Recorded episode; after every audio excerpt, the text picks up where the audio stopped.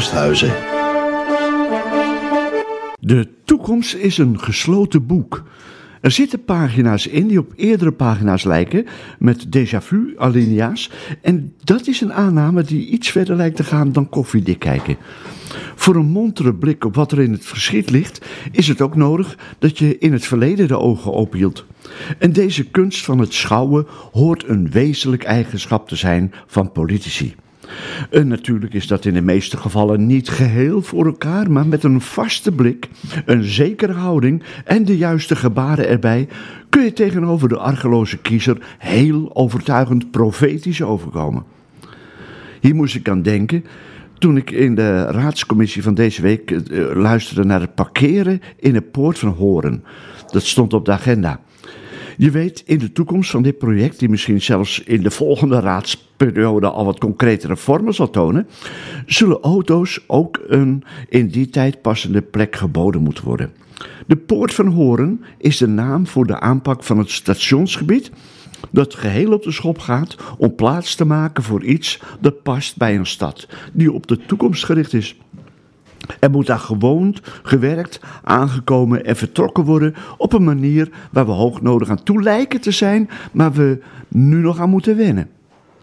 Zie dan maar eens op, op dit moment al maatregelen te treffen die een ambitieuze ontwikkeling naar een betere stad niet in de weg zitten. We hadden het dinsdag over parkeren. Alleen al over het punt voor, hoe, voor hoeveel auto's een plekje moet zijn, werd eindeloos gedelibereerd.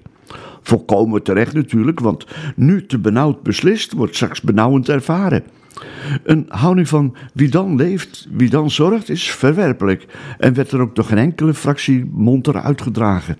Maar zeg nou zelf, wat is er een beter besluit? Een, garage, een parkeergarage voor 1000, 1100 of 1250 auto's?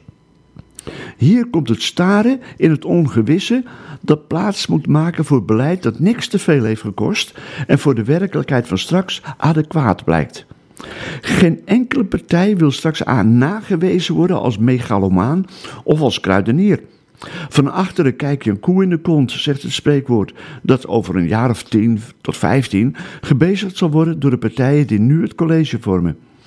Gelukkig zijn er op dit moment fracties die absoluut niet willen worden aangekeken als een fractie die zonder blikken of blozen geld dat van de grote hoop komt over de balk smijt. Argumenten voor en tegen het aantal van 1250 waren voldoende te horen, maar er kwam geen enkel voorstel om het aantal op te trekken naar 1500 of, of meer parkeerplaatsen.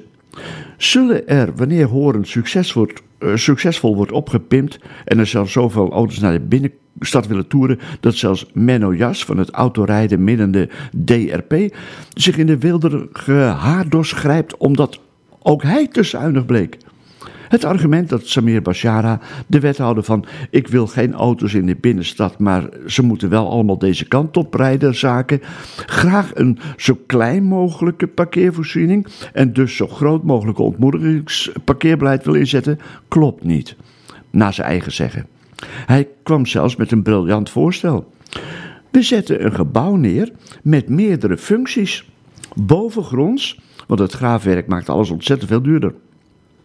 Het parkeergebouw dus, of een parkeergebouw plus, kan, wanneer zich daartoe de noodzaak aandient, veranderd worden in een gebouw met nog meer parkeerplekken. In eh, de discussie werd door Roger Tonaar ook nog zijn gesprek met een heuse wetenschapper aangekaart, door Roger zelf, om duidelijk te maken dat in de toekomst juist meer en niet minder auto's de gang naar stedelijke neringsgebieden zullen maken. En dat bleek nauwelijks doorslaggevend. Iedereen weet hoe ver de plank kan worden misgeslagen door wetenschappers. Hoe het ook zij, het voorstel van het college werd met een slag om de arm aangenomen, want er worden nog raadsinstrumenten gehanteerd. Kijken in de toekomst blijft een spannende sport met een feestelijk hoera voor degene die over een aantal jaren mag uitroepen dat zijn of haar visie de koffieprut ver oversteeg. Even een klein vraagje waar ik deze week ook over topte. Mag je iedereen die had voorzien dat Judith Michel de Jong burgemeester zou worden, een uh, ware profeet voor wie de toekomst een open boek is, noemen?